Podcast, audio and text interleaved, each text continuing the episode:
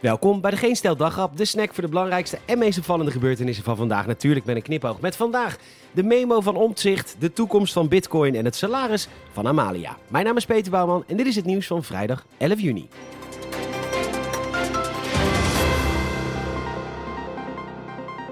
CDA'er Pieter Omtzigt heeft geen makkelijk jaar gehad en heeft besloten alles lekker van zich af te schrijven in een interne memo. Deze was natuurlijk al snel in handen van je verwacht het niet, geen stijl. En daar is te lezen wat we allemaal al lang wisten. Omtzigt is veel te eigenzinnig en competent voor het CDA.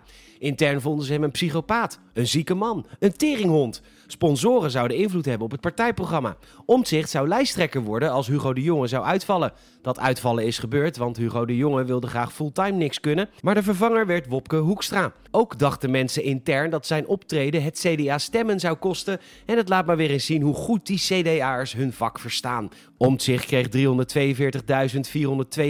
voorkeurstemmen. Hoe Pieter Omtzigt het CDA echt stemmen zou kosten, is als hij lekker voor zichzelf zou gaan. Bijvoorbeeld lijst ontarmde toekomst. Atheïstisch omtgedoopt. Omtgelooflijk eerlijk. Politiek omtzwoegd. Na werk omtspannen. Wie goed doet, goed ontmoet. Samen ontberen of samen een nieuwe toekomst. Oké, die laatste was wat ver gezocht, maar ga er gewoon voor, Pieter.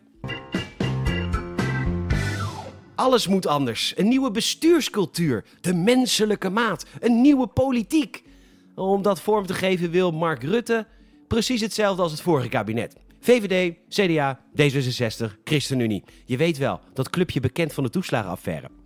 Kaag van D66 wil dat natuurlijk absoluut niet, want de ChristenUnie gelooft in een opperwezen en die denkt dat dat opperwezen mensen onnodig lang wil laten lijden en dat mannetjes en vrouwtjes samen kindjes moeten hebben en andere samenstellingen niet kunnen.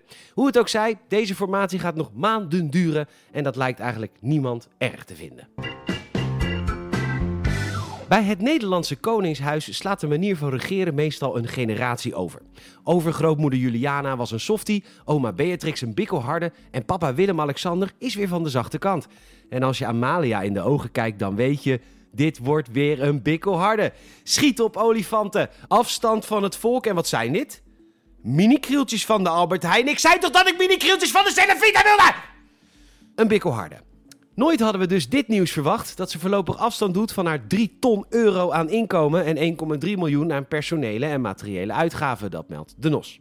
Middels een prachtig handgeschreven briefje richting Excellentie Rutte. Helemaal top, Amalia. Namens de KLM en de toekomstige bonus van topman Pieter Elbers. Bedankt hè.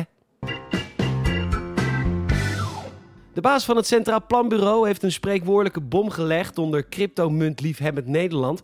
Pieter Hazekamp wil dat de digitale geldeenheden worden verboden. Dit omdat ze te veel gebruikt zouden worden door criminelen, ze zeer onstabiel zijn en hij vergelijkt het met een piramidespel. Bovenal vindt hij het natuurlijk erg vervelend dat de staat geen controle kan uitoefenen. En dat begrijpen we wel. Maar omdat crypto zich niet houden aan grenzen, zal een verbod natuurlijk nooit haalbaar zijn. En al helemaal niet te handhaven. Bedankt voor het luisteren en zelfs enorm helpen als je een vriend of vriendin vertelt over deze podcast. Ook een Apple Podcast Review zouden we enorm waarderen. Komen we hoger in al die lijstjes. En ook wij zijn een bitch van de algoritmes. Nogmaals bedankt. Fijn weekend alvast. Tot morgen.